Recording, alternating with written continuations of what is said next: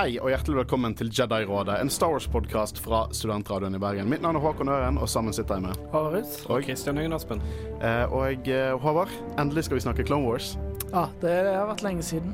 Det, jeg gleder meg til dette. Fordi det er Spesielt siden det er episoder som både du og Kristian har nevnt opptil flere ganger. Jeg tror vi har mast om denne i, liksom innimellom i sikkert over et år før vi begynte å dekke Clone Wars. Så det var sånn Å, Umbara-arken. Å ja, den, den. Nå skal vi snakke om Umbara-arken. Og Kristian, du liker Umbara-arken. Ja, jeg liker den veldig godt. Det Liker du en av de- Umbara-arken? Ja, jeg tror det. Ja, nei, jeg liker den veldig godt. Det er faktisk en av de beste Du må si Umbara-arken, du også. Umbara-arken. Jeg er jo sikkert den verste på uttalelser her. Men eh, ja, jeg liker den veldig godt. Det er en av mine favoritt-arcs i Clone Wars, og eh, spesielt i forhold til at den handler om, mest om klonene. Ja, det er en klonehistorie. Ja, det er en klonehistorie. Uh, det, er som, det er som en film. Det er liksom nesten to timer du tar, disse fire episodene sammen. Mm. Så det er en, det er en Band of Brothers uh, Clone Wars-film, så å si. Nei, vi har jo nevnt Band of Brothers tidligere, og før så har det på en måte vært litt sånn hinting til det, og referanser, men nå er det en ren kopi, omtrent. Ja, men på en god måte, syns jeg. Ja, ja, det er det- mye, det er ikke de der trompetene er der. Eh, og Håvard, du Hvis du er på de døende nå, som du sier én ting til våre lyttere Du har sagt denne vitsen ganske mange ganger. Det er ikke vits, det er absolutt Men jo, lik oss på Facebook, Og Instagram. vi er selvfølgelig Jedi-rådet, en Star Wars-podkast på, eh, på Facebook. Og Jedi-radet med to a-er på Instagram.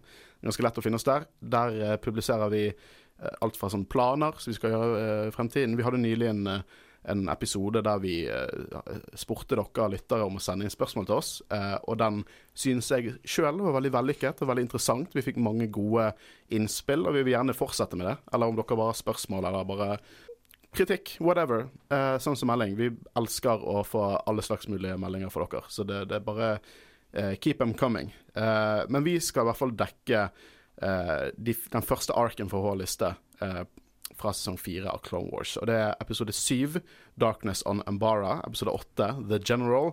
Episode ni, Plan of Descent. Og episode ti, Carnage of Krell.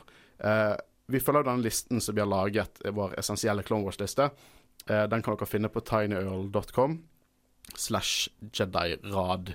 Eh, det, er, det er også noe vi eh, publiserer ofte på sosiale medier, Analysten. Så eh, greit å følge med der, hvis, hvis dere så ønsker det. Eh, men vi skal spoile the shit ut av disse episodene, så uten mer mas for oss, skal vi mase enda mer om Umbara-arken fra The Clone Wars. Umbara-arken.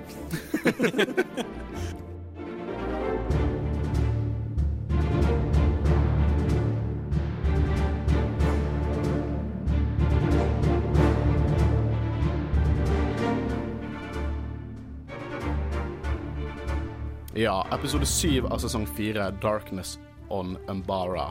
Det første jeg har lyst til å snakke om, det viktigste her, er at vi får Phase 2-rustninger til klonene. Og jeg, jeg, jeg Håvard poengterte det eh, med Rex eh, før vi begynte å spille inn. Eh, og jeg fikk ikke tid til å plassere det inn passende sted, så jeg bare tar det først. eh, for det at eh, vi får fase to-rustninger på kloner. Eh, vi har kanskje sett hint av det før, men nå er det full on 501st Battalion har fase 2-rustninger. Det er altså den type rustninger vi ser i Revenge of the Sith, når de nærmer seg på en måte Stormtrooper. De har liksom de litt sånn droopy øynene og de begynner å bli steget nærmere til å bli Stormtroopers. Men Rex er så kul her, for han likte ikke det designet. Man likte enkelte ting fra Phase 2, så han har, han har kuttet deler fra sin fase 1-rustning og bare weldet det sammen, så han miksa begge to. Så han er superunik. Og han har fulgt av sånne der uh, kill stripes rundt omkring på rustningen, eh, på rustningen sin, som må representere antall uh, kamper han har vunnet, og ikke antall droider, for han hadde ikke vært en hvit flekk igjen på den rustningen hvis det var snakk om droider.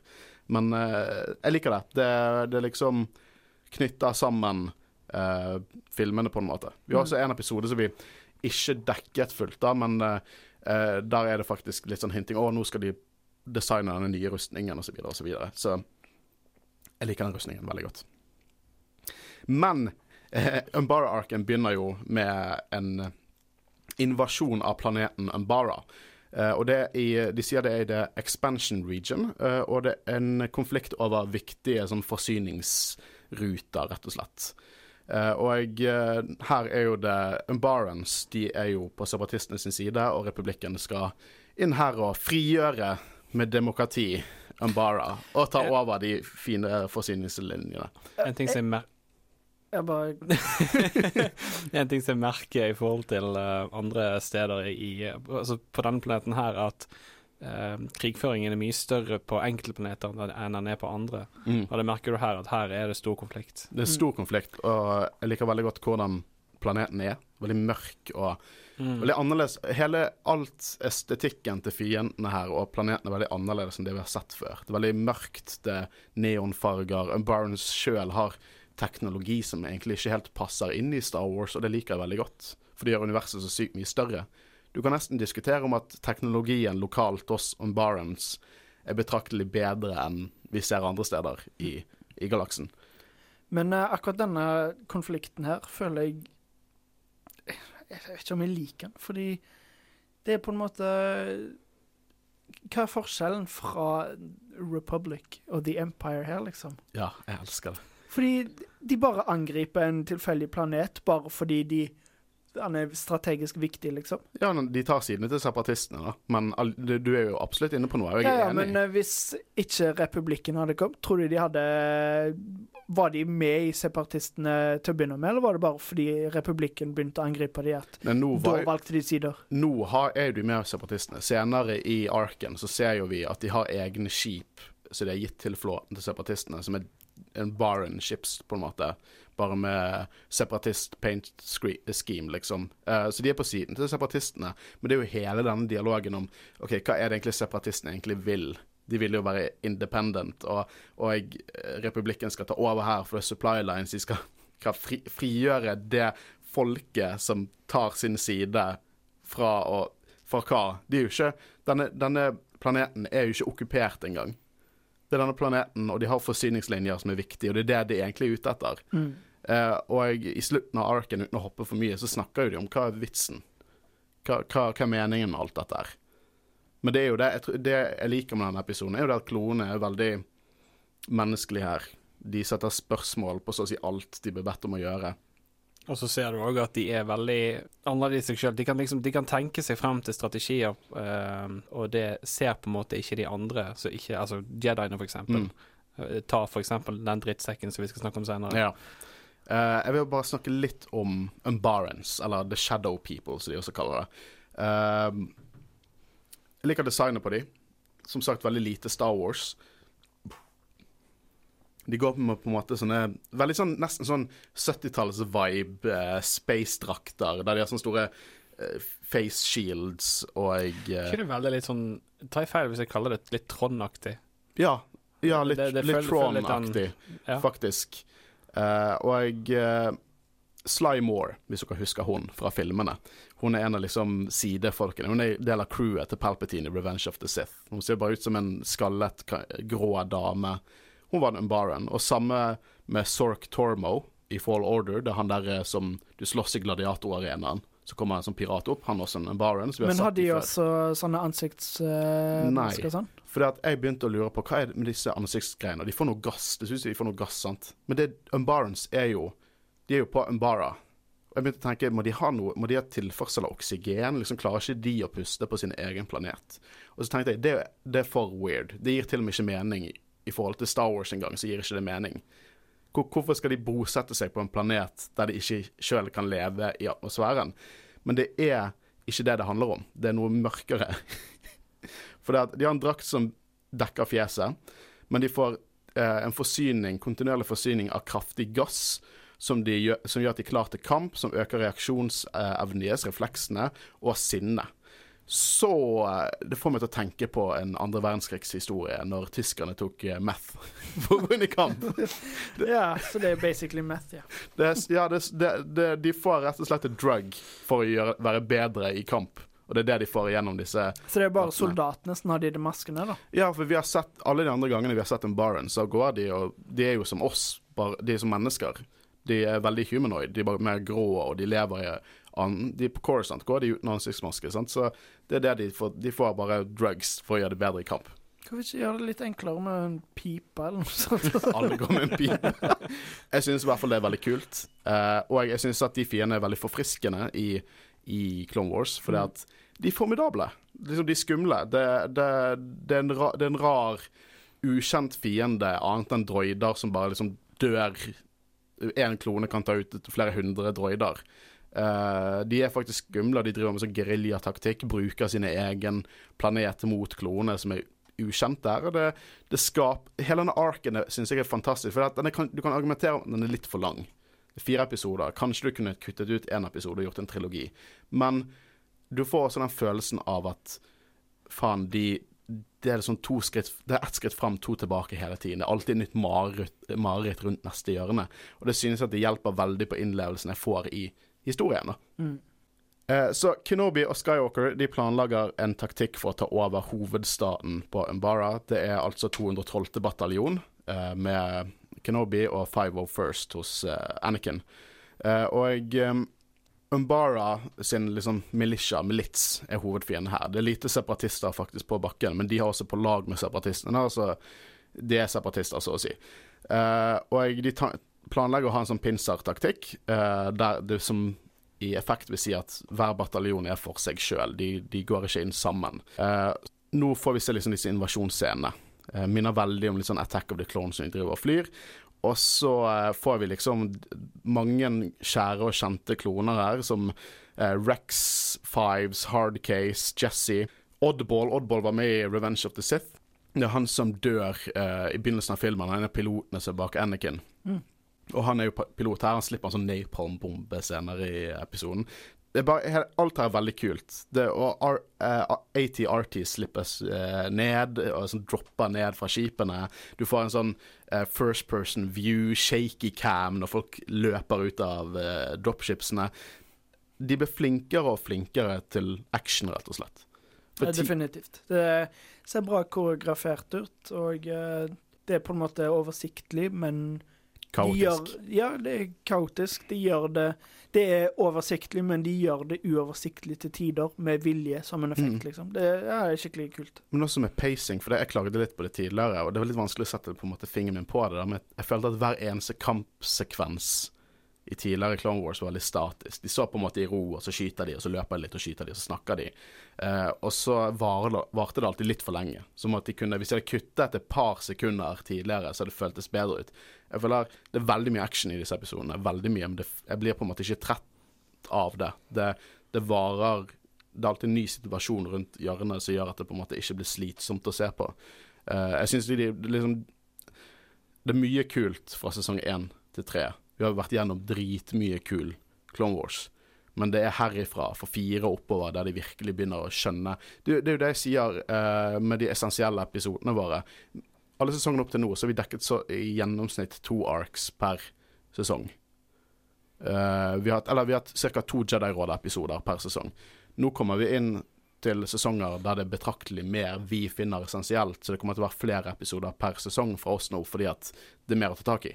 Uh, som er bare, og dette viser litt hva jeg synes om det der i, mm. i sesong fire. Vi får se også sånne tentakeldyr. Uh, First Price Sarlax har jeg lyst til å kalle de.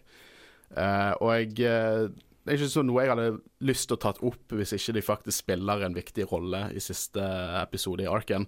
Men det er verdt å nevne. Det er tentakeldyr, de har munner og tentakler, og de fungerer litt som en mer eh, hyperaktiv Sarlacc-pit. Mm. Eh, og de dukker opp her. Um, vi får se en også viktig karakter i denne arken, Dogma.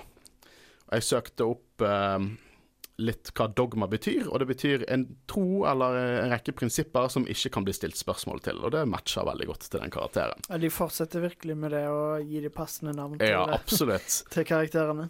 Eh, han, eh, han er superlojal, eh, og eh, to a fault, så å si. Og jeg liker den lille her, scenen som skjer her. For etter liksom den første invasjonen, de får en pustepause, og så kommer han bort til, til Rex og Anakin, og så sier han bare Ja, dette er statusen. Og så sier Anakin du kan gå og ta pause nå. Og så sier Dogman uh, no thank you, I'm fine. Og så blir Rex sånn der The general gave you an order, son. Uh, og alt dette her. Og så sier Anakin at uh, han minner meg litt om deg. Og så sier Rex maybe back in the day. Og så da har jeg lyst til å spørre Rex, hvor gammel er du egentlig? Hva, 13? 15? 15 år. Hvor lenge er det siden når du sier 'back in the day'? Et par uker? Minst et par måneder. Alt er relativt, sant? Um, så vi får veldig mye sånn stemningssetting her, da. Så masse creepy Umbaren som monstre, som Klonel og Anakin må slåss mot de mørke. Det er alt, de kan ikke se så mye, alltid kommer det nytt mareritt rundt, rundt hjørnet. Og det, det, det, er liksom det hele arken omhandler. Eh, og det er her vi får denne scenen med at de eh, at eh, Oddball kommer i Y-wingen sin og får en sånn napalm strike som bare lyser opp hele scenen. Det er mye kult. Cinematografien er veldig kul i denne arken, spesielt uh, på slutten her. Uh, vi blir i hvert fall introdusert til en ganske viktig karakter i denne, denne arken her. Det er General Pong Krell. Og hvor har vi sett noe lignende før? Ja, han er jo uh, helt lik, egentlig, som Litt mer buff, da. Ja, litt mer buff og ikke like gammel og alt mulig sånn, men uh, Han må bare researche det først. ah, shit, jeg uh, Men det er ikke samme fyren. Det er ikke samme fyren, det er bare samme. Dexter, vet Ja. du. Dexter Jest, Jet, Jetster Dexter Jetster. fra Attack of the Clones. Foretrekker veldig mye gode, gamle Dexter. Er Dexters laboratorium eller masse massemord? Nei, psykopaten, liksom. Men hvor er dere nå, Anna? Jeg vet ikke, jeg bare tenkte du sa gode, gamle Dexter. Å ja, fra Attack of the Clones. Jeg tror du Ja. kunne referere. Never mind. I hvert fall, Dexters laboratorium? ja, Det er i lenge siden. fall General Ponkrell han er en eh, besalisk, eh, sånn med fire armer, som Dexter som Håvard bare utmerket hadde i bakhodet sitt. Og, ja. Eh, og rådet har beordret Anakin eh, om å komme tilbake til Coruscant etter ordre fra Palpatine. Jeg bare spør, var det en reell ordre? Det er det jeg lurer på. Det, Jeg, det fikk vi aldri svar på, så jeg ble litt sånn confused. For det virker jo ikke sånn som i forhold til hvordan arken utviklet seg med han, om det faktisk var reelt at Anakin ble kalt tilbake. Men det går jo en god del dager på den Umbara-planeten, Mm. så hvis det Hvis liksom Anakin hadde dukka opp liksom 'Hei, Palpatine, hva var det du ville?' Så bare 'Nei, jeg vil ikke noe med deg'. Så eh, ja, ja, OK.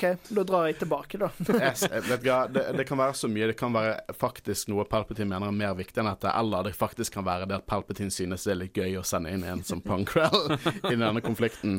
For det er Ponkrell han tar over eh, for Anakin, eh, og hvordan skal vi forklare Ponkrell?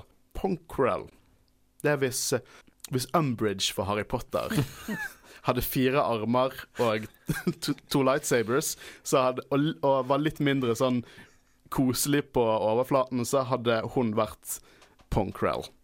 Kommer inn, er strengere, helt annet syn enn alle de andre koselige jediene som er opptatt av individene, at dere er menn og dere har nicknames. Han kommer inn her, og jeg eh, kaller alle etter numrene sine. Liten fun fact, han sier numrene feil til tider.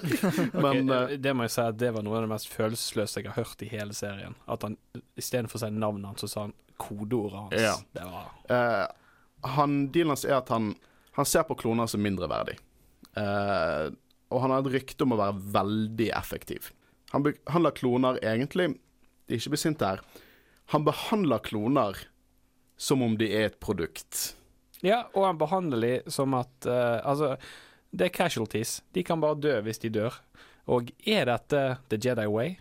Nei, det er jo ikke The Jedi Way hele, i det hele tatt. Men jeg Nei. tenker at hele karakteriseringen av Ponkrell er som en stor sånn Jedi burde ikke vært generaler. Mm. For det at det, Ja. Jedier er veldig på dette, og at å, dere er individer og sånn. Og så, vet du hva Jedier de tar kuen, koser litt med kuen, liksom gir kuen en liten lue, strikker noen gensere til den, gir masse mat og sånn, og så dreper de kuen.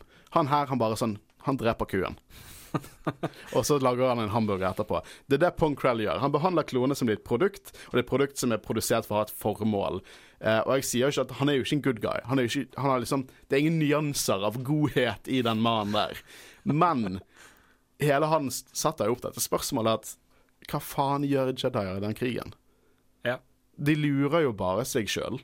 Liksom til å tro at på en måte det at, det at de har en knyttelse, at kloner er noe mer enn det de egentlig er her. Men kloner er jo designet for dette her. Men um, det er Jeg ble ikke overraska i de senere episodene når jeg fant ut at han uh, ikke var så snill som uh, vi trodde. Fordi han, har, han hadde et øyeblikk som er så typisk uh, animasjon. Der, er liksom, der de zoomer inn på fjeset hans, og så har han et sånn lite lurt smil. Ja, så flammer i øynene hans og sånn. Ja. Da, da tenkte jeg liksom OK, han, ok, han han er ond. Ja, det er jeg helt enig. Jeg fikk akkurat samme følelsen. Spesielt når du ser ansiktet hans på liksom sånn smirky smile. og Ja, det er ikke så mye nyansert Nei, der i det hele tatt. Men det trenger ikke nødvendigvis å være nyansert. For jeg synes det er fortsatt han, han er en karakter jeg husker veldig godt. Han er kun med i denne arken, men jeg husker, han veldig, jeg husker navnet hans til og med. Pong Krell. Eh, det, det, han er superikonisk fra Clone Wars, og han setter opp eh, spørsmål jeg syns er veldig interessante i Clone Wars. Og noe som jeg syns er interessant, er at han oppfører seg mer som en Imperial på mange måter, på godt og vondt. Det er liksom Han behandler slag som et regnestykke, og hva gir mest profitt innenfor seier. Liksom Tarkin, for eksempel. Han, eh, han, han rett og slett ødela en planet. Ikke Death Star, men ødela en planet med å skyte bombardement på den. Hadde fortsatt sine egne tropper der, hadde fortsatt eh, sivile der, men han tenkte dette er den mest effektive måten å ta ut uh, fiendens uh, soldater, rett og slett. Og han her tenker litt på det. Eh, men han det viser seg at han han kan være effektiv pga. det tidligere, for han har vært effektiv. Men her viser det seg at han har en annen agenda, som vi går litt inn på senere. Men i hvert fall, det er interessant. Han oppfører seg veldig som Imperial. Denne arken er veldig på foreshadowing til The Empire, rett og slett. Uh, vi får også en scene der de går videre. Uh, det kommer noen banshees, som uh, sånne flyvende monstre angriper klonene. Uh, og da får vi se lightsaberne til Krell, som har sånne hengsler på seg. Det er double-bladed, Han har to double-bladed lightsabers, som passer veldig godt til en svær mann med fire armer. Eh, og det er veldig sånn som Ray, Dark Ray, har i Rise of Skywalker. Da har hun en sånn rød double-bladed lightsaber med en hengsel på. Um, jeg har lyst til å snakke litt om dette med double-bladed lightsabers. Det er også en stor sånn ting da i Rise of Skywalker at folk er litt irritert over at Ray ikke fikk en double-bladed på slutten av filmen. Uh, og jeg hadde jo veldig lyst til at hun skulle få det. Men så begynte jeg å researche litt dette med double-bladed lightsabers. Det er regnet som et veldig aggressivt våpen, og du må ha en veldig aggressiv kampteknikk for å bruke det. Og av våre tilsynelatende good guys, eh, så bruker Pong Krell det. Vi vet han er ikke en good guy. Eh, og så bruker Temple Guardians i, eh, på Coruscant De bruker double-bladed lightsabers. Men har ikke på en måte Altså, hvis du ser i fighten med Ray og Kylo Ren og videre i sequel-trilogien, vil ikke du si at Ray har på en måte litt aggressiv angrepsstil? Jeg vil ikke si at hun er nødvendigvis sånn mer Ikke si at hun er på den onde siden, men at hun er på en måte Hun, hun hun, hun går virkelig i når hun skal gå i. Ja. Det, Uh, jeg bare tenker uh, Hun gjør jo det. Men jeg vet ikke om jeg tenker at hun er veldig følelsesladet. Men jeg tenker liksom ikke nødvendigvis at hun er mer aggressiv enn enn noen andre jeg har sett. Hun, hun, kanskje hun er litt mer offensiv enn defensive. Det kan jeg være enig i. ja. Men det kan jo hende at det har litt mer med stilen på filmene. At Mm. i prequel-filmene så føles det, som jeg har nevnt tidligere, at det føles jo som en dans. Ja. Mens at det blir litt mer realistisk, om du kan si det sånn. I hvert fall litt mer skikkelige sverdkamper. Mm. At det Ja. er det som bare gjør at det føles mer aggressivt ut. Mm. Ja. Men eh, i hvert fall eh, i Cannon så er i hvert fall double-bladed mer aggressiv stil. Eh, litt også derfor Darth Maul er veldig glad i sin double-bladed. og vi har Temple Guardians, og deres jobb er jo rett og slett å beskytte tempelet, så det kan hende de er mer aggressive. Og vi vet jo også at det er en visse Temple Guardiansene som blir eh, Inquisitors til Darth Vader i ettertid. Eh, vi kommer til Rebels senere, Håvard. så eh, det kan godt hende at det er en litt sånn nei-nei for Jedis hvis ikke de virkelig har kontroll på det de gjør. Så kanskje kan være en forklaring på hvorfor i Vision i Rise of Skywalker har Dark Ray double-bladed, men Ray, når hun får lightsaberen sin på slutten og blir en Jedi, eh, så går hun for single-bladed. Bare kaster det ut der. Sier ikke det rett eller galt. Bare en liten, en liten teori. Eh, det er i hvert fall disse monstrene som angriper de, og så kommer eh, Pong Krell inn og dreper de og sier 'skal dere slutte å leke med dyrene'? Eh, og de beveger seg mot hovedstaten, og det går liksom mange timer. De får ikke pause. Eh, Color Rex setter sin klonenummer og ikke navn, og det fortsetter han å gjøre med alle, egentlig. Av, av og til så kommer en nickname inn der han er litt frustrert, men som regel så er det klonenavnet går etter. Jeg bare sier at det er imponerende at han husker det, da. Ja, men han gjør jo ikke det. Hæ? Han gjør ikke det. Eh, eller det er jo helt klart en produksjonsfeil, men han sier Rex sitt navn, eh, klonenummer, feil. Og det er feil. Han sier feil? Ja, okay, han, sier ja, men han begynner med CT, og CT står for Clone Trooper. Men Rex er CC, Clone Captain. Men det kan også være en fornærmelse, og du er ikke noe annet enn en Clone Trooper. Men han kaller jo Fives for Ark, og så nummeret. Og Ar Fives er jo en Ark Trooper, så Men står det på drakten, eller bare har han memorert? det? han må ha memorert det. Men ja, det slår meg som Jeg hadde en foreleser som var sånn det, det slår meg, Han slår meg som en person som sitter og, memori og husker alt dette. Og, og gjør det nesten som sånn Bare sett deg ned i bakken. Det er ikke noen nicknames under min kommando. Uh, Rex vil jo ha en sånn surgical strike da med litt sånn taktikk rundt. Ikke send alle inn, prøve å finne ut hva som er forsvaret her. Men Krell han bare Nei, nei, vi skal ha full eh, frontangrep. Alle skal bare løpe inn. Uh, og noe som selvfølgelig kan føre til latterlig store tap, siden de ikke har peiling på hva de angriper. Uh, og det gjør det også noe kult her, for kloene er veldig splittet her. De er sånn Nei, jeg har ikke lyst til å gjøre dette her. Krell han, han er liksom kontroversiell, han har mye casualties på, på CV-en sin, men han er veldig effektiv. Og han gjør mye shit her som klonen er uenig i, og ofte senere i episodene så driver klonen og gjør sin egen versjon av hans ordre, og egentlig går litt imot hans ordre. Men han er fortsatt jævlig effektiv. Det, alt det som har skjedd i denne arken under hans kommando, har jo ført til latterlig gode ting. Så man kan jo diskutere om at ja, kanskje han får ut det beste i, i klone ved å gjøre de litt sinna og litt eh, grinete over de ordrene de får. Men du kan ikke si noe annet enn at han er effektiv. Eh, Og han har jo egentlig rett òg, fordi det er jo bokstavelig talt derfor det er kloner. At de skal kunne gå an og bare ja, jeg, jeg, jeg, sier, jeg sier ikke at jeg er enig med til han, the slaughter. men Jediene han, Hans eksistens viser hvor naive Jediene er. Og det er tilfelle de Og hvor begynner å- umenneskelig kloning sjøl i det universet er. Men òg i tilfelle at de begynner å gå mangelfullt på kloner, så er det jo veldig mange på Camino som gladelig produserer flere tropper uten problemer. Litt penger. Ja, bitte litt penger, så smiler egen klonepakke. Kjøp, kjøp to bataljoner, så får dere én gratis. Uh, men de, uh, de blir jo bedt om å gå rett inn, og jeg begynner å se rundt på hverandre, og dette liker de ikke. Selvfølgelig går de inn i mine felt og har bakholdsangrep. Eh, og det blir nye kamper. Eh, jeg liker den ene scenen når en, en Baron får helt panikk når glasset knuser. Eh, og så kommer Fives bortover, henretter han, og kloner bare driver og faller, og, og jeg eh, til slutt ber de om å slippe til, eh, om å slå til retrett, da.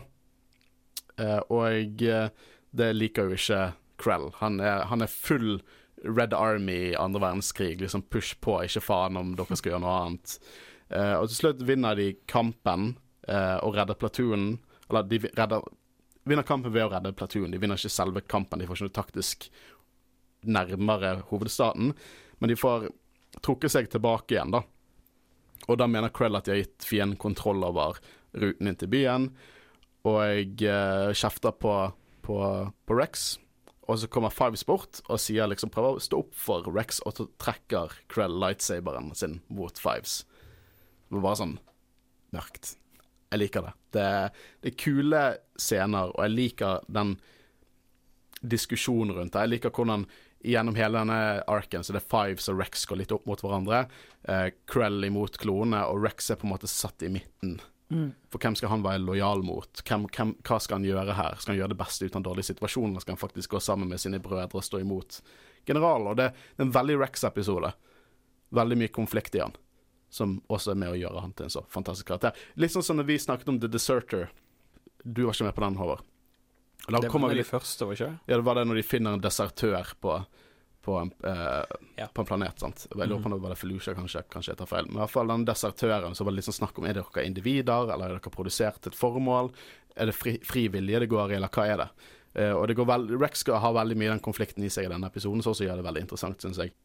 Og nå eh, begynner Rex å få litt nok av Krell. Eh, han, denne scenen han på en måte gir kritikk tilbake til Krell. Han sier eh, vi, vi, vi mister menn, vi er menn, og så tar han av seg hjelmen og sier 'ikke kloner, menn'. Uh, og jeg eh, rett og slett sier 'fuck planen din'. Og da virker det litt som det går inn på Krell. Han stopper litt opp og liksom sånn OK. Og han kaller han faktisk Rex innimellom etter dette her. Som ja, kanskje du kan tenke å, kanskje, kanskje han lærer litt. Kanskje, kanskje han er en good guy. Men nei da. Og eh, det er jo nytt bakholdsangrep, og alt ble. Og eh, det var eh, episode syv. Jeg tenker vi kommer med alle meningene våre etterpå, for dette er så å si en stor film. Så vi hopper rett inn i episode åtte, The General. Ja, så, så gener Jeg vil snakke bare nevne litt dette igjen med Krell, og hvordan jeg trekker paralleller til å jobbe som en effektiv Imperial, så å si.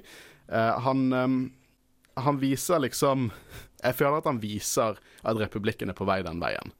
De sier at han er en av de mest effektive generalene, og han er en Jedi, og han jobber på den måten. Og måten han jobber på, er ikke noe annerledes enn hvordan The Empire jobber med. Liksom, de, de, de designer jo Tie Fighters for å være expendable. At de kan produsere mange av de, og piloter kan de bare få overalt. Og bare få folk inn i akademiet. Og det er litt sånn her, liksom, det har ikke noe å si hvor mange soldater han har. Alle blir kastet inn i, liksom, i å bli skjernet opp for å på en måte gjøre det han vil. Eh, som jeg syns er interessant hvis du tenker på republikken opp mot Empire, for det gradvis går det her. Vi vet alle hvor li store likheter det er mellom republikken og The Empire på dette tidspunktet. Kampen fortsetter, da, mens uh, Five of First drar mot hovedstaten på Umbara. Uh, veldig Saving Private Ryan her. Kloner som skriker på bakken, og uh, konstant uh, bombardement og angrep. Veldig kult når Krell står liksom blant klonene sine, og det er eksplosjoner rundt, og så får han en, en sånn hologram-message fra, fra Kenobi. liksom, det er så mange bilder, screenshots, du kan ta denne arken og bare ha en kjempekul bakgrunnsbilde. Men hva er denne typen hologram, på en måte? Det, den han har nå, da. For det, Kanskje du tenker på en som kommer senere. For nå har han en sånn han holder i hånden, som vi har sett i filmene. Ja. Men jeg vet hva du snakker om, vi, og vi skal okay. tro det meg, vi skal diskutere det etterpå, for det er veldig kult. Ja. Uh, men her er det vanlig hologram. Uh, og Kenobi sier rett og slett av at eh, hele invasjonen avhenger av at Five of First tar ut en luftbase som hjelper med forsterkninger til hovedstaten. Så de skal, planen deres er å kutte forsterkningene fra den basen og, uh, og gå liksom til hovedstaden etterpå. Selvfølgelig vil Krell at de skal pushe på uten noe særlig plan. Jeg begynner å lure på litt, litt hvorfor han er så effektiv, men vi finner ut senere at han gjør dette her med vilje. Han skal pushe på uten å, å, å finne den tryggeste veien til basen. Eh, Klonene liker fortsatt ikke dette her, bortsett fra Hard Case, som gleder seg. Jeg liker veldig godt Hard Case. Eh, Dogma, han er jo sånn der Jeg tror han har et poeng. Ha, oh, Dogma. Han er, han, han er så Han er så, ja, han er så typisk sånn herre Hvem er liksom Brutus her? Det er ikke noe tvil. Uh, og Rex og Fives driver og snakker sammen. For Fives han tar veldig sånn Han er helt klart en autoritet blant troppene. Og han tar veldig, går veldig imot Rex og Krell her. Og Rex tar han til side og ber han om å liksom prøve å roe de litt. Uh, og eh, og Hele arken handler veldig om identiteten her til klonene. Rex og Fives har liksom litt uenigheter her, men Rex tror faktisk på rollen sin. Om, om han tror på rollen sin, og han er produsert eller følger disse ideene liksom av sin egen kode, det er usikkert. og Jeg tror ikke han helt vet det sjøl ennå. Uh, og nå er liksom angrepet på luftbasen i gang, og selvfølgelig ender i ny fucket uh, fiende. Tusenbein-tanks.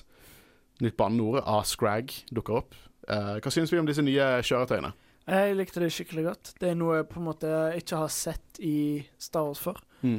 Og jeg, til tider så var jeg usikker på om det bare var en gigantisk tusenbein med en eller annen rustning, men så så jeg jo at det var faktisk en robot. og jeg skjønner ikke helt designet. Det må vel være mye mer effektivt å lage en eller annen slags tanks i forhold til en Ja, tusenbein, det- men uh, det så kult ut. Ja, det er litt sånn 80-80s. Hvor, hvor, hvor dumt design ikke 80-80s. Du bare angriper den i ræven, og så klarer ikke den å snu hodet sitt. Du kjempetrege. Men det er ganske Hæ? Var ikke de ganske kjappe? Jo, disse, disse Ja, de- tusenbein ja, er jo betraktelig mer effektive i design enn en 80-80. De kan jo grave seg ned og sånn. Og litt kult at du sier at du trodde det var tusenbein, for det begynner jo å tenke litt sånn OK, hvis vi var en klone der, hvor livredde hadde ikke vi vært hvis det kom dette liksom monsteret mot oss? Og ly- lyddesignet. Mm. Uh, og jeg um, Ting går jo selvfølgelig til helvete, helt til de lurer på en måte tanksene inn i en flaskehals og sprenger de.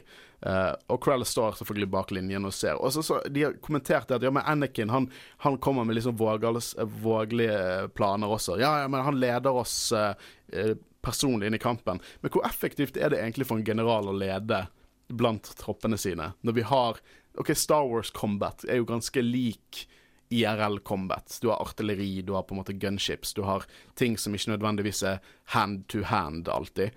Eh, det er jo betraktelig mye mer effektivt av en general å holde seg på en lokasjon over troppene sine der han kan kontroll på slagmarken og gi ordre sånn som det skal. Og så må også litt sånn Ja, Star Wars er jo på en måte en miks av fantasy og alt dette her. Men du har jo òg eh, flere ekte tilfeller i krig der generaler faktisk har vært Ja ute på slagmarken. og- gresk antikken så var jo det kom, eh, kommandørene som var på flanken eh, med hopplittene i falansen.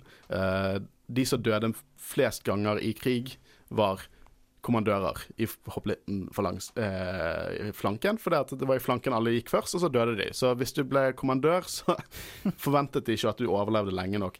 Jeg bare sier, Hvis du skal ha en, en planetskala-invasjon, så er det kanskje ikke lurest å være i fronten. Artilleri er jo en egen liksom Alt dette er jo annet enn at det er på en måte blasters og, og starfighters, så er jo det ganske likt hvordan en hva andre verdenskrig hadde vært, da. Eller moderne krigføring hadde vært.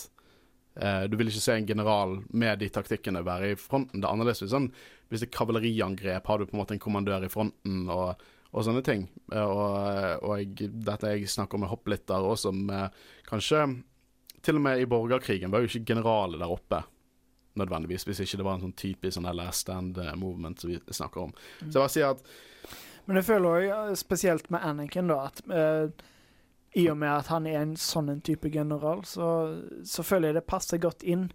I og med at han er med å lede de. Og uh, i, når du har en med force powers og lightsaber Selvfølgelig vil du ha han på slagmarken. Ja, du vil ikke ha på, i telt i bakgrunnen som liksom ser ned på et kart og sier mm, ja, OK, kanskje Men han er ja, en force power. Det er jo derfor jediene er generaler. Det er ikke fordi deres taktiske liksom, visdom, det er jo fordi at de de er små atombomber med lightsabers som virkelig kan ta ut mange. Så det er et godt poeng. Eh, som også gir ingen mening på hvorfor de er generaler. Hvorfor er ikke de bare elitesoldater der istedenfor? Hvorfor skal de gi ordrene her? De, å, det gir ingen mening. uh, men um, Krell han, han kunne gått fram som det skjoldet hvis han hadde tatt movesene til uh, Grievous i episode tre, men bare spint i det. yeah. bare gått fram. Han er faktisk The Force. Han er en bedre Grievous, faktisk. Så ting går jo til helvete, og, uh, men de har på en måte klart å ta ut disse tusenbeintanksene. da. Uh, og uh, vi får enkelte sånne små scener. Umbaran som blir sprengt ut av en tanks, og, uh, som de skyter mens de bare går forbi, og sånn dyr som spiser av kloner på slagemarken. Og, veldig mørkt, og jeg elsker det. Jeg, jeg, føler ikke det er et kidshow vi ser på i disse episodene. Not at all. Uh, men det er flere tanks. Uh, veldig Halo-looking tanks. Nesten litt sånn Scarab uh, fra Halo, hvis dere har spilt det. og det er bare mareritt etter mareritt. Du har tusenbeintanksene, så kommer disse tanksene, og rocket launchers fungerer ikke på dem. Og Krell nekter å gi dem forsterkninger, og de får ikke lov til å slå retrett. Og Rex er jo helt klart veldig i konflikt hva som skjer her. Og jeg liker også når du ser bak Krell, så er det bare så jævlig mange tropper som bare står og venter på noe. De venter på ingenting. Han har så mange i bakhold men de skal ikke få lov til å komme inn dit. Og vi får se Sergeant Appo. Og Grunnen til at jeg nevner Sergeant Appo, han var med i Revenge of the Sith. Han snakket med Bale Organa når Bale Organa kom til tempelet og sa at det har vært et opprør og alt er under kontroll. Men Sergeant Appo er litt kul, for det er Dave Filoni han uh, var jo med å lage Avatar. The Last Airbender. Og uh, Appo er en, en referanse til, til Appa, som er den store flyvende bison i den serien. Og han har en sånn pil nedover på hodet sitt, og Apple har en pil nedover på hodet sitt. Så en liten referanse til, til Avatar, da. Eh, og klonene fortsetter jo å være veldig forvirret over alt som skjer her, og eh, det blir en stadig større konflikt mellom Rex og Fives her. Eh, det er sånn en som sier at Å, det høres ut som Krell, for Rex sier at de må forlate de som er døende, rett og slett, ellers så kommer de til å dø sjøl. Så Rex har jo en plan om å sende Fives og Hardcase til å stjele noen Umbara Starfighters og ta ut disse tanksene. Og det er jo noe som aldri Krell hadde gått med på. Uh, og uh, han sier jo det, så å si. Det, du kan ikke gjøre det, det dette, vi kan ikke waste kloner på dette her, og bla, bla, bla. Blir gjort uansett, da. Og her siterer også uh, Hardcase Han Solo, at han lik, ikke liker å snike seg rundt. En straight up fight er liksom bedre. Og han forteller om noe interessant, da. Han forteller at når han var i akselerasjonskammeret, altså vekstakselerasjonskammeret, så var det en lekkasje som gjorde han hyperaktiv. Så det, det er en klone med ADHD, altså. Og det merker man. Han, han koser jo seg. Mm. Han har ikke noe konflikt. Å ja, straight up fight. Jeg bare tar med mini-gatling-gunen min og bare amok. Jeg liker hardcase veldig godt. Og det viser også hvor mye ulike personligheter det er blant klonene. Ja. ja, det merker jeg veldig, veldig godt i disse episodene. At det er De er faktisk menn. Mm. De er ikke bare kloner. De er jo selvfølgelig bare kloner, men de, er også, de har personligheter som kommer fram. Veldig, veldig interessant, og vi har jo nevnt det tidligere. Savner du Echo fortsatt? Ja, ja. Det gikk så Det gikk så hardt ut på meg. uh, men de får tak i disse um, Umbara Starfighterne da, etter de sniker seg inn med noen trær og litt sånn der. Uh, og jeg, her er også det med teknologien til Umbarans Uh, veldig intuitivt. Det er hvis som en Apple skulle bare eid en planet og teknologien der. Så De kommer inn i disse fighterne med sånn boble ray shields med Kinect-kontrollere. Du bruker bare hendene. Alt intuitivt. Wakanda-tech, nesten. Ikke litt morsomt hvordan Wakanda-tech bare sånn skiter over all Star Wars-tech. Liksom Teknologien du finner i, Star, i MCU, kan de fleste ganger være betraktelig mer sånn sci-fi enn det vi finner i Star Wars. Spesielt i Wakanda. Vi, vi, vi snakker ikke om Marvel, så dere ble veldig frustrert der. Vi går videre. Eh, beklager. Eh, men de redder selvfølgelig dagen. Skyter ned tanks, air support. Til og med Krell virker litt imponert. Eh, og angrepet på luftbasen starter. Eh, og da får vi liksom se at Krell hadde veldig mange soldater i bak, eh, bakhånd. Og det neste jeg å bare nevne her, er at så sykt lurt av de å ta den overtagelsen av luftbasen offscreen. Bare sånn pacing-messig. Mm. Ja, definitivt. Det- Du trenger ikke det når det har vært så mange kamper uh, tidligere.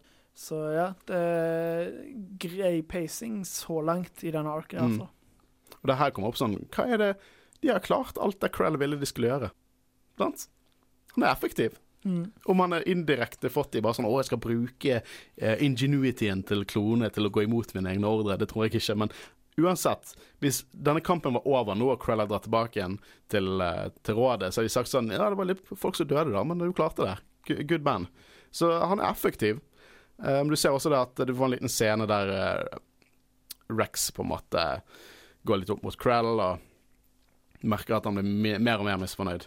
Og det var den episoden. Skal vi hoppe rett inn til neste, Christian? Jeg skal ikke stoppe deg. Jo, stopp meg. For okay, nå skal vi snakke om deg. Plan of Descent, episode 9. Um, og her får vi melding fra General Kenobi fra en nytt type hologram. Mm, der har vi hologram jeg lurte på. Og her får vi melding fra General General, General Kenobi. General Kenobi. Eh, og her får vi en kul ny teknologi innenfor hologramtech i Star Wars. det stemmer det. Dette her var det jeg syntes var interessant i sted. Ja, og det, det det er på en måte som fullt av hol hol holoterninger. Ja. som danner en person de snakker med. Eh, veldig annerledes. Og jeg, så behind the scenes på denne. Det var liksom Det var veldig Veldig planlagt og gikk mye inn i å på en måte lage den animasjonen-featuren. da At det var på en måte nesten et hav av kuler som gikk opp og dannet en person. Så det er Umbara-teknologi? Mm. Og de sier jo tidligere at de, liksom Jeg tror Rex nevner at de har teknologi som er langt forut oss, liksom. Så de har, det er vanskelig for dem. Um, jeg må kun tenke at grunnen til at ikke The New Empire er liksom Embarren som var det de, de er sikkert veldig lokale. Sikkert ikke mange systemer de har kontroll over. Det er sikkert Umbara og kanskje noen andre koloniplaneter. Men det er sånn De har masse bra teknologi, men de har kanskje ikke kvantiteten av den teknologien. Og de har problemer med å ta over hovedstaten. Eh, Nå får visst Umbarans våpen og forsterkninger fra et skip over planeten. Mens republikken ikke har nok skip til å ta over, ta ut eh, liksom separatistflåten. Og eh, Kenobi virker veldig Kenobi virker uenig med Krell. For da de sier litt sånn Krell sier hva de skal gjøre, og så er Kenobi litt sånn «Hæ, Nei, det skal også bli jammet. Uh, og jeg eh, da skal på en måte sier noen Skulle prøve å kontakte han og, også sier uh, for å koordinere angrepet, og så Krell sånn Nei, nei, nei. nei. han, han er opptatt. La oss bare gjøre dette med en gang. Eh, og jeg, um, Krell er liksom som et broken record. Det alle, det ingen, det er alltid der, å, rett på, ikke noe annet. Og hver gang folk nevner noe Skal vi kanskje kontakte igjen? Skal vi kanskje gjøre det logiske? Nei, nei, nei, rett på. Han vil ikke høre noe annet. Uh, og vi får litt mer eh, dogma moments. Og jeg hater dogma. Uh, for det er Klone uenig med general, og han er alltid sånn der 'Jeg mener at han det, gjør det rette. Alt han gjør, er bra. Og han er effektiv'. Uh, Fives bruker skipene som de tok da i forrige episode, eh, som også har access-kodene til å komme gjennom blokaden til å ta ut forsterkningsskipet. Eh, og Krell kan liksom ikke kaste vekk kloner på noe sånt tull. Tre kloner. Men jeg føler det er Da merker du veldig godt at han har ulterior motives. Ja. At, fordi når han Nå kaster gir ikke ting mening lenger. Nei, nei, fordi han lenger. har jo liksom hele tida sagt at nei, nei, dere skal dø. Dere skal bare springe fram. Altså, når noen melder seg til å gjøre noe sånt, så Tre dro- eh, kloner Ja, det er jo ingenting for han. Eh, jeg, da begynte jeg å merke liksom OK, hva er det Ja. som skjer? Ja, for det, hvis han ikke var en bad guy, så hadde ikke dette gitt noe mening. Nei. Det hadde bare vært tull, liksom. Og på en måte så forstår jeg jo at ja eh, Det blir jo nesten som et suicide mission, så jeg, jeg vil ikke at folk bare skal Ja, Gjøre hvis han faktisk var sånn Vi må passe på at vi liksom ikke mister folkene våre. Men Mm. han har aldri gjort det før. Nei, nettopp. Uh, men um, han vil ikke kaste vekk kloner på dette, som sagt. Og uh, Five sier liksom ja, men hvis vi er i disse skipene, så vil ingen skyte på oss, da. Men det er jo ganske stor sannsynlighet for republikken vil skyte på dere. det er en ganske stor sannsynlighet. Ikke at det kommer opp i det hele tatt. Uh, men Rex og Fives fortsetter diskusjonene sine, da, og eh, Rex sier det at uh, de må følge ordrene til Krell, og det handler om ære, og at de ikke er uavhengige fra hverandre. Og det liksom går litt imot, for Rex liker å si at de er menn og de er på en måte levende folk, men han snakker jo litt som om de er droner, som de er droider, som de ikke er noe annet enn det. Uh, og uh, Fives er jo mer på dette her at uh, han er mer enn bare et tall, selv om han heter Fives. Så han er mer enn bare et tall. Eh, de diskuterer rundt hverandres liksom, tro på systemet, da. Skal man følge det blindt eller ikke? Er, det liksom, er de stormtroopers, eller er de ikke? Så å si.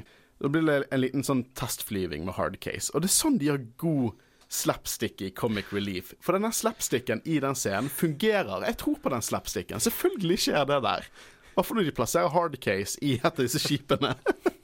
Eh, og jeg, eh, jeg bare synes det fungerer veldig bra. Og jeg eh, Og så fikk jeg telefonsamtalen med Som er veldig Han Solo. Jeg forventa at han skulle si 'boring conversation anyway'. Jeg synes det er så sykt gøy at han ikke gjorde det. For det, var, det var helt klart en referanse uten å bare si akkurat det samme. Og i neste episode så har de jo òg et direkte sitat fra en av filmene, så jeg, hvis de hadde hatt enda et sitat i samme ark, så hadde Ja, det hadde vært litt mye. Foreløpig så syns jeg de har gjort det greit. Eh, det, jeg er litt hykler når jeg sier at jeg hater når de sånn, sier noe andre har sagt. Men, eh, og jeg til tider gjør jeg det, men det er litt sånn Hvis jeg merker det at et sitat, bare sånn hvis det er veldig blatantly sitat, så irriterer det meg. Men når jeg på en måte sånn Å ja. Ja, det sa du da. Så ikke det. Så det er egentlig ingen I mitt hode er det ingen oppskrift for hvordan du gjør det bra eller ikke. Jeg er bare turbulent på det der. Eh, og jeg, eh, jeg liker også når hardcase bare sånn Å, det, nå, nå går det bra. Så skyter han ut en sånn missil som smelter en dør. Og så sånn Å, that's gonna leave a mark. og de ly- lyger selvfølgelig til, eh, til Krell. Eh, de sier at eh, Å, det var en booby trap, og, og, og de reddet liksom Reddet alle ved å ta over skipet og sånn, og så bruker jo han det selvfølgelig som en unnskyldning. Se, det går ikke an å bruke disse her, de er helt utrygge. Uh, og jeg eh, det, det er liksom veldig Umbridge, hele han. Mm. Fives og Jesse og Hardcase de går gjennom planen, da. Uansett hva konsekvensen er, så skal de følge denne planen. Og da begynner Fives å fortelle om den gangen Anakin fløy inn i en Lukerhawk i, uh, i Phantom Menace og skjøt ut reaktoren inn, innenfra. Uh, dette er kjempegøy. Jeg syns det er kjempegøy. For jeg ser for meg at Anakin står der med de og drikker en eller annen drink og bare sånn Ja, når jeg var syv år, så tok jeg ut en flåte. jeg syns det er kjempegøy. Når det er referanse til Phantom Menace, jeg elsker det. At den blir på en måte anerkjent inn i, i canon. Jeg, jeg syns det er kjempegøy. Og jeg ser for meg at det er sånn det blir fortalt, liksom. Mm. Um, så nå er det en scene jeg også likte veldig godt. For de tenker ikke De skal ikke gå fullt amok off record her. For vi, vi ser virkelig respekten det er mellom Fives og Rex. Um, han tar med seg Hardcase og Jesse, han møter Rex. Og selv om han er kjempeuenig med han, så er han fortsatt en, han vil fortsatt ha godkjennelsen hans. Så Rex sier at han ikke kan hjelpe de dersom de blir, bort, eh, de blir busted, rett og slett, men at han, han kommer ikke til å stoppe de. Men Dogma han våkner opp og ser at ikke de er i sengen sin, og får med tøpp og sier 'vi må si ifra til general'. Åh, jeg hater han. Det er som liksom klassens uh, Ja. uh, teacher's pet, liksom. At han bare Alt som skjer, uh, må han sladre om og sånn. Slå inn trynet drakk brus i, i pausen. Gjør ikke lov til å drikke brus på skolen. Liksom, det er dogma. Å, hater dogma. Så det er kamp over Umbara.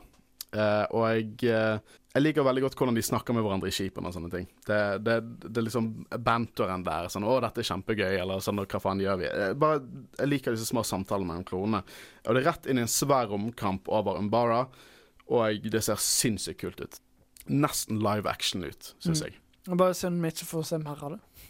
Hmm? Bare synd vi ikke får se mer av det. Ja, det er det. Uh, for de, de flyr liksom rett forbi en sinnssykt svær kamp, rett og slett. Uh, og vi får se en Umbaran support ship. Det var det jeg snakket litt om tidligere, når de er separatister. Og det ser nesten ut som munnen, eller undersiden av en blåhval med litt sånn valker og veldig annerledes. Vi ser det så vidt da, det bare flyr rett forbi. Uh, og vi ser sånne separatist support skip, en DH Omni. Nesten som en Hvis du tar den klassiske Lukerhawken, eh, som er på en måte eh, denne her eh, eh, droidekommandoskipet, som er på en måte sånn som en donut. Det er nesten det, bare at de har tatt en ball og på en måte delt den i to. Eh, og jeg har lyst til å poengtere en ting, ikke noen viktige greier, bare litt interessant, da. For det at når de lagde den- denne episoden, eh, så tok Josh Lucas veldig spesifikt at de må ha en annen paint scheme enn det vi har sett i, i eh, Phantom Menace. Fordi at eh, det skipet vi så i Phantom Menace, det er ikke et separatistskip, det er Trade Federation. Dette er separatistskip.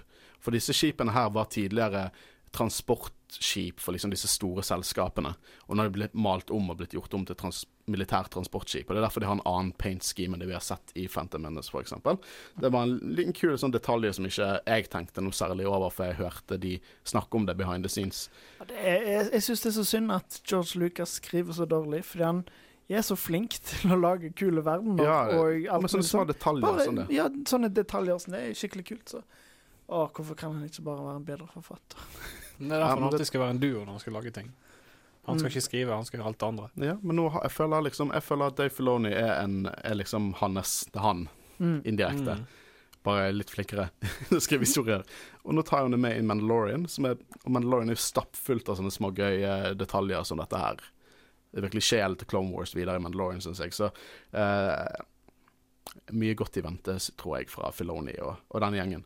Rex sier jo til Krell at han har autorisert en sånn recon-oppdrag for å på en måte gjøre din strategi enda bedre. Så han på en måte Han kisser litt der, sant? og dette er bare for at, eh, for at uh, din strategi skal være mer effektiv.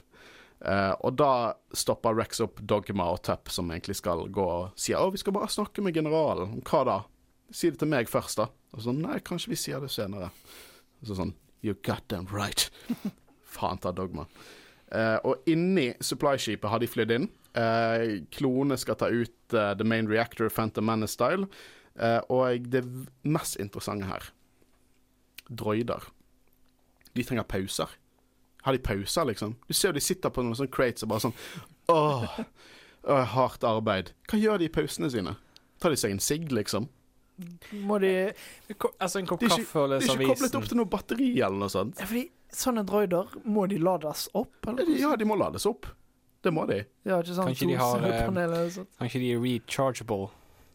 Ja, men de, da, da vil du ta det inn i en lader, ikke bare la de sitte der. Og de sitter Men- der helt klart og bare sånn er til stede. Men nå i dag så går det an med sånn Det finnes trådløs ladning til telefonen min. Jeg har en lader jeg bare legger telefonen er enda mer viktig. Tror du droider har en fagforening? Men du har jo eh, Du har jo episoden før Embarken med R2D2 og C3PO der de går tom for strøm. Vi, men vi, også i The, The Men- Deserter, når vi snakket om den, da går jo de tom for strøm. Ja. Ja. Og de ble jo ladet opp eh, Og og tatt til fange. De de ble kidnappet. Det var der vi snakket om hvor, eff hvor effektivt det er egentlig med droider. Ja. De, driver, de mister strøm og hele pakken. Og nå trenger de visstnok eh, pauser òg. De har rettigheter. Disse droidene har rettigheter. eh, og jeg liker når de flør inn, så er det mer sånn Kloner? Her? Og tactical droidene bare og, og til og med litt sånn Nei. Nei. det er sånn rayshield som stopper de, da. Eh, og eneste eh, så Det ender her med at Hardcase rett og slett tar dette manuelt. Eh, han ofrer seg sjøl og sier dette for the five of first, og sier også setningen 'live to fight another day, boys'. Eh, og mens eksplosjonen rett og slett tar han veldig skikkelig filmatisk. Eh, jeg bare Denne serien blir bedre og bedre på det filmtekniske, syns jeg. Eh, og supply-skipet er toast. Hva synes dere om hele den sekvensen her?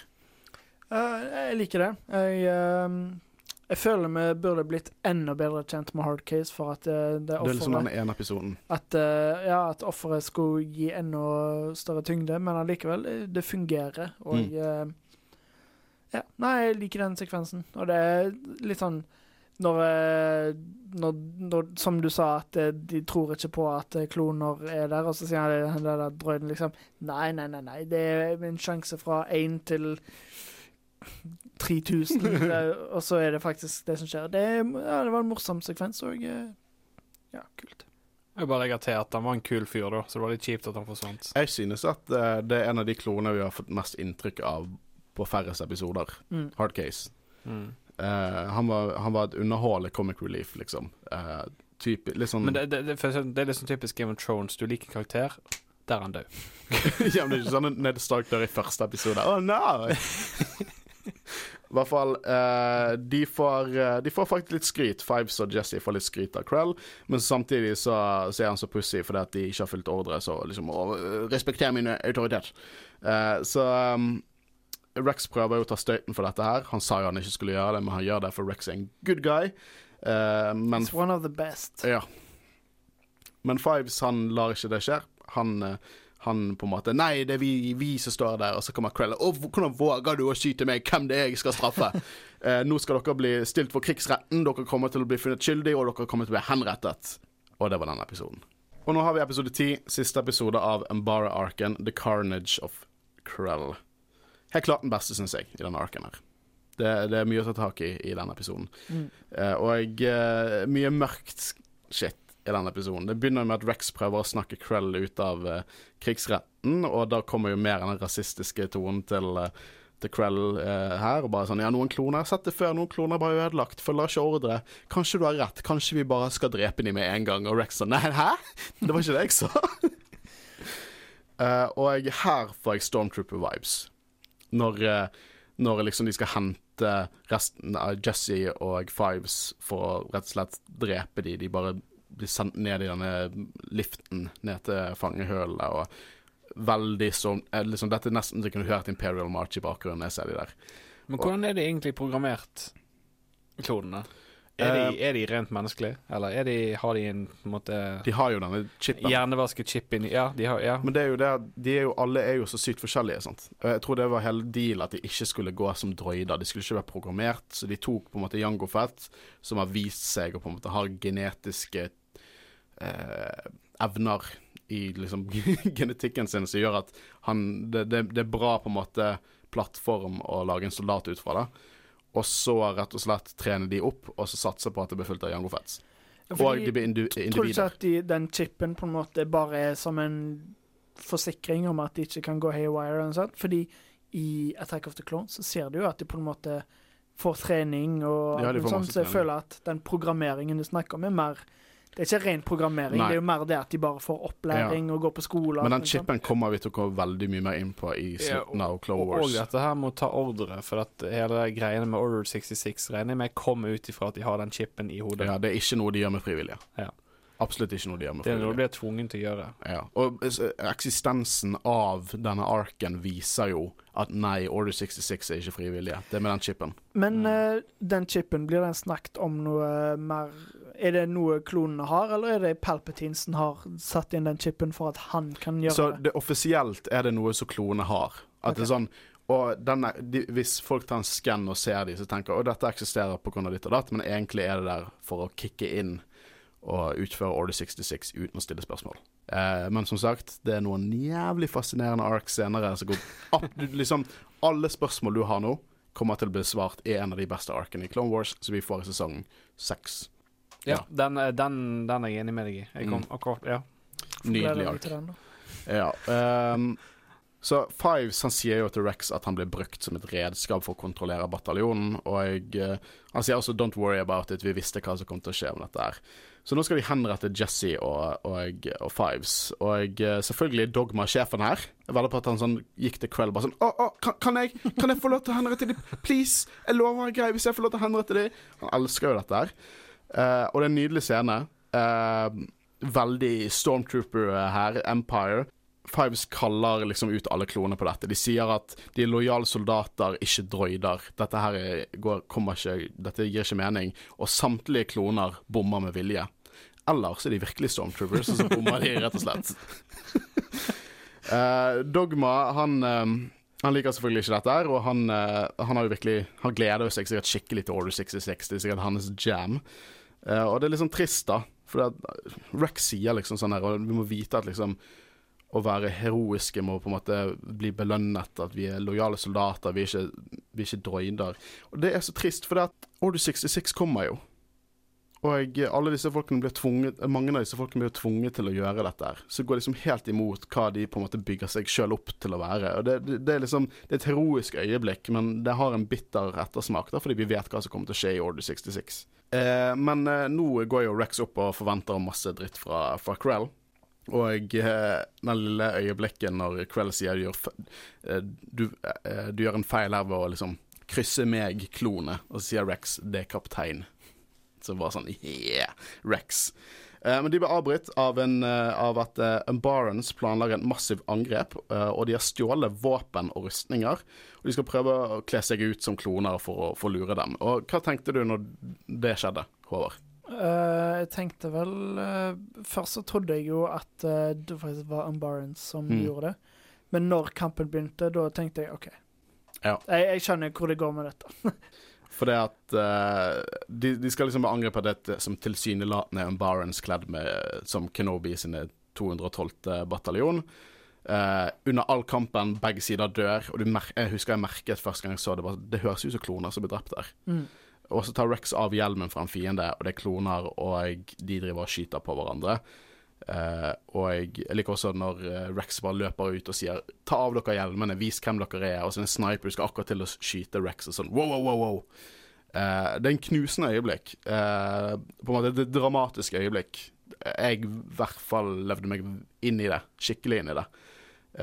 og jeg Til og med Dogma er helt sånn Hva er det som skjer? jeg syns det er skikkelig, skikkelig bra øyeblikk som bare Det er bra.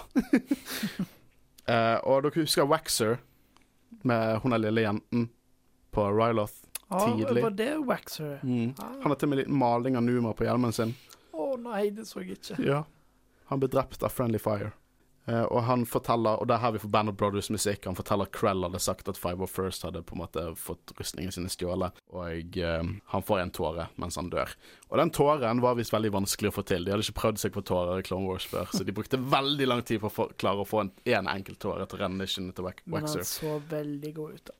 det var veldig bra tåre. Men fy søren. Det er en sånn liten sidehistorie med Numa og Boyle og Waxer, liksom. Og så får vi se Numa igjen i Rebels med litt sånn klonerustning på seg. All grown up. Det er en gøy liksom, sidehistorie. Og her jeg husker, jeg, når jeg promoterte på Instagram at vi skulle dekke Umbara-arken nå, så tok jeg med et bilde eh, fra også traileren til eh, sesong fire, som også fra, er fra denne arken. Og det er når, når, eh, når eh, Rex går med 504 First eh, bare som en linje og tar på seg hjelmen, og du har liksom backlightet, og de går mot Krell for å arrestere han. Og det er et så kult øyeblikk. Og han bare tar på seg hjelmen, og du ser bare det zoomer inn på fjeset til, til hjelmen til Rex. Det er veldig kult. De skal arrestere Krell, forræderi mot republikken. Dogma prøver seg selvfølgelig på noe. Du ser at han på en måte står bak og bare sånn 'Dette er ikke rett'. Men hva, hva mer trenger han? really? Men Jesse og Fives de blir også frigjort, og Rex går mot Krell. Og han sier 'It's treason, then'.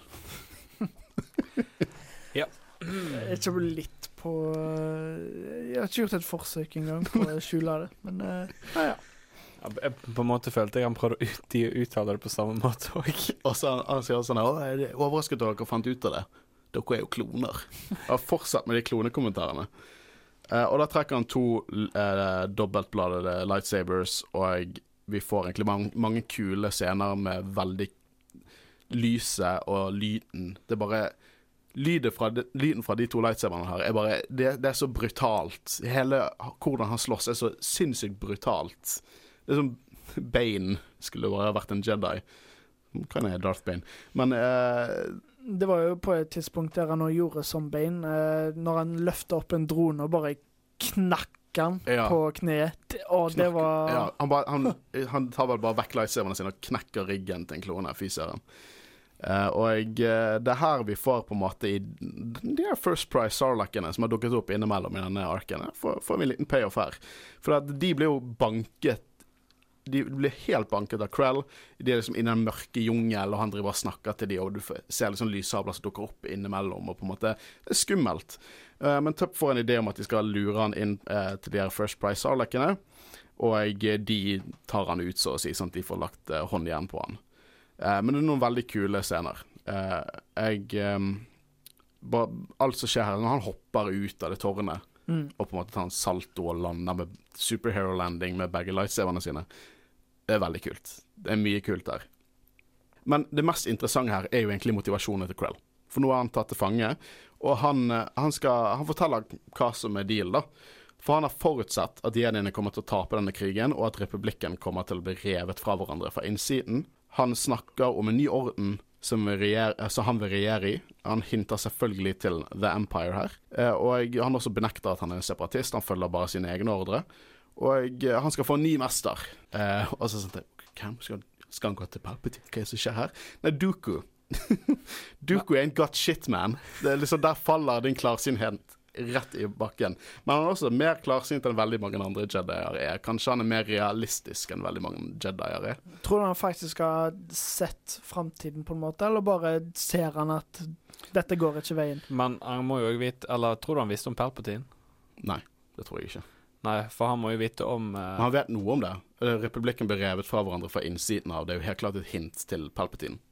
Ja, riktig. Men jeg bare tenker sånn sitt-regelen om at eh, det er, skal bare være to, den er vel litt anerkjent. Ja da, Så, men eh, nå må du huske at um, de vet ikke helt om det er to der, eller om Duku er jo på en måte the poster boy til da- sabbatistene og Sith nå. akkurat det, så han er jo på en måte bare en brikke til Duku, da, på en måte. Uh, ja, han her Han vil jo være brikke til Duku. Ja. For han, hele dealen her er jo at han har lyst til å rett og slett gi Umbara til separatistene. Bare fucke opp for republikken der, eh, og gi det til separatistene, og så skal Duku være sånn Å, her, vær min apprentice. Men han har jo ikke peiling på at Duku bare er en brikke i spillet til Palpatine. Men det, det, det er rart det med rule of two, sant. For det er sånn OK, du er, du er en inquisitor, men du er ikke en Sith. Og sånn, du er en apprentice, men du er ikke en Sith. Og så, det, det blir liksom Det er more guidelines enn actual rules. Ja, det virker ikke sånn for Palpatine, da, i forhold til eh, det med mål, men eh, ja, men eh, jeg føler at han tar den, den delen veldig mer seriøst. Ja, ja. Mål var jo en, en av de to der i Phantom Menace. Ja, faktisk godt poeng. Faktisk, i ja. Legends så var jo eh, Det kan godt hende at dette er fortsatt delvis canon, for Darth Plagueis-boken er jo delvis canon fordi at den ble referert i Tarkin-boken, men den er teknisk sett Legends. Men den uh, statet at eh, inn i Phantom Menace så var Plagueis fortsatt rundt, og at Maul var på en måte type DS Ventress, da. Ja. At han ikke var en Han var på en måte bare eh, en brikke i spillet. Men mye på Cannon, i Cannon understreker at nei, mest sannsynlig var han en av de to på den tiden. Mm. Uh, så, eh, men det er interessant, da. Vi nesten kunne hatt en hel episode hva som definerer en Sith, og hva som er på en måte var en apprentice eller dark side user. Det er organisatorisk, sant? Mhm. Det er det vi kan si. Det er organisatorisk, det er ikke noe annet. Men eh, Krell satser nå på at han blir satt fri når Umbarons tar over eh, planeten igjen.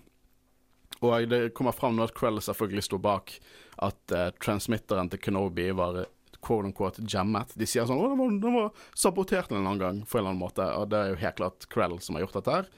Uh, og uh, Kenobi har tatt over hovedstaden, dvs. Si at resten av fiendene sin styrke er på vei mot flybasen.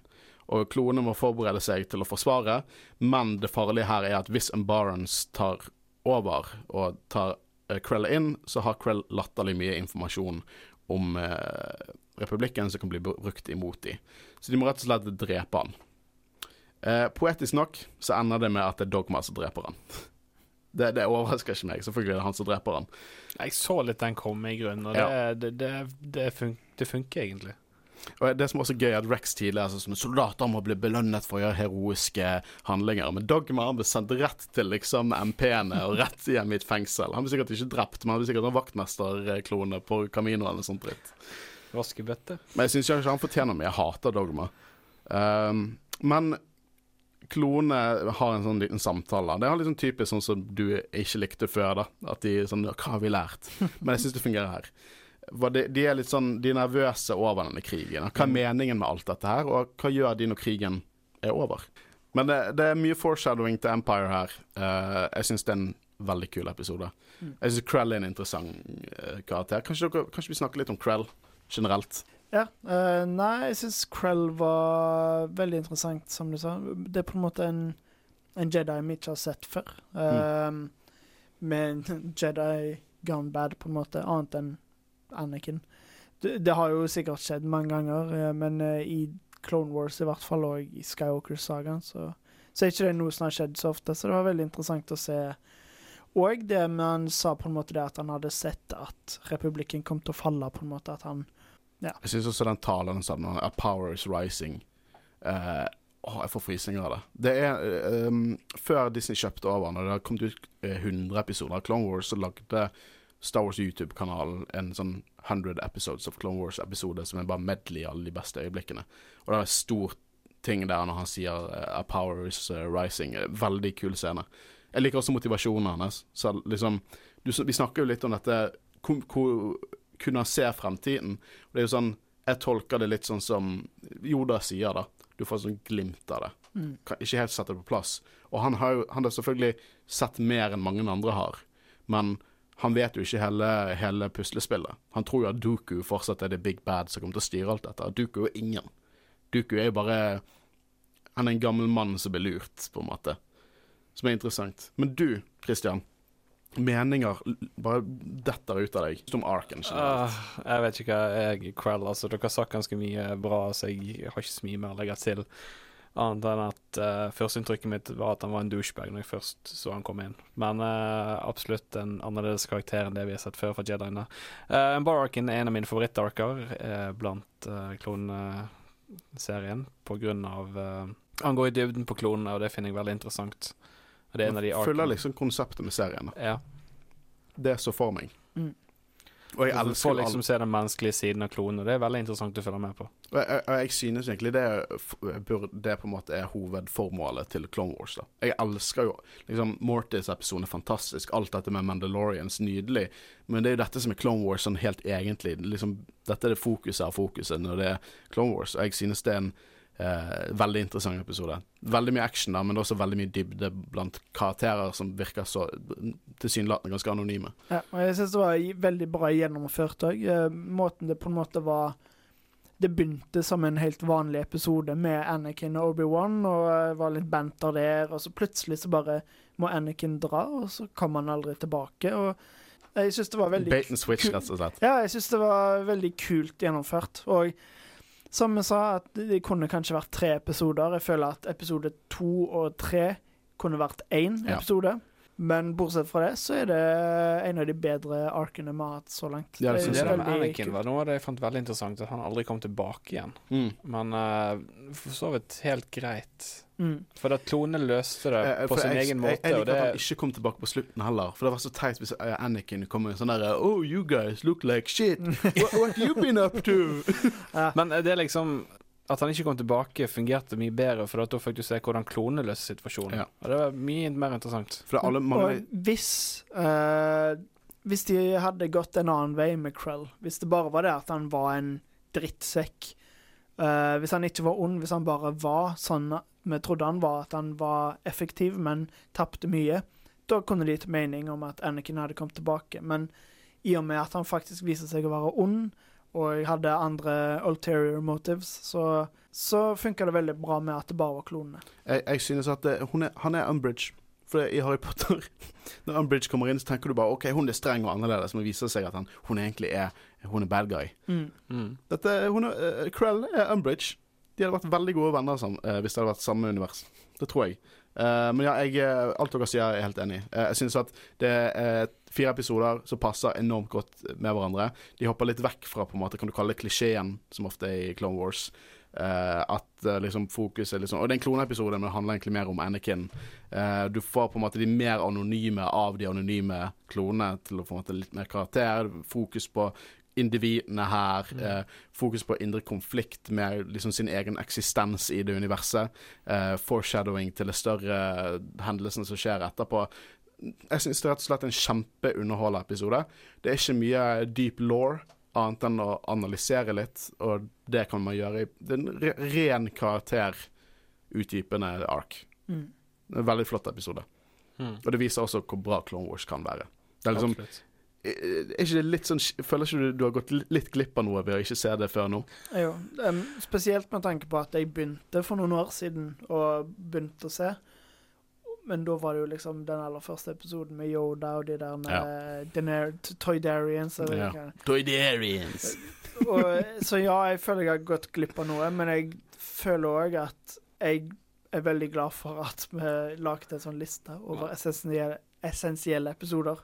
fordi jeg hadde ikke eh, klart å sette alt. Den første episoden er ikke akkurat den, så eh, hvis du skal dyppe inn i Clone Wars, så må du bare komme deg over akkurat den biten.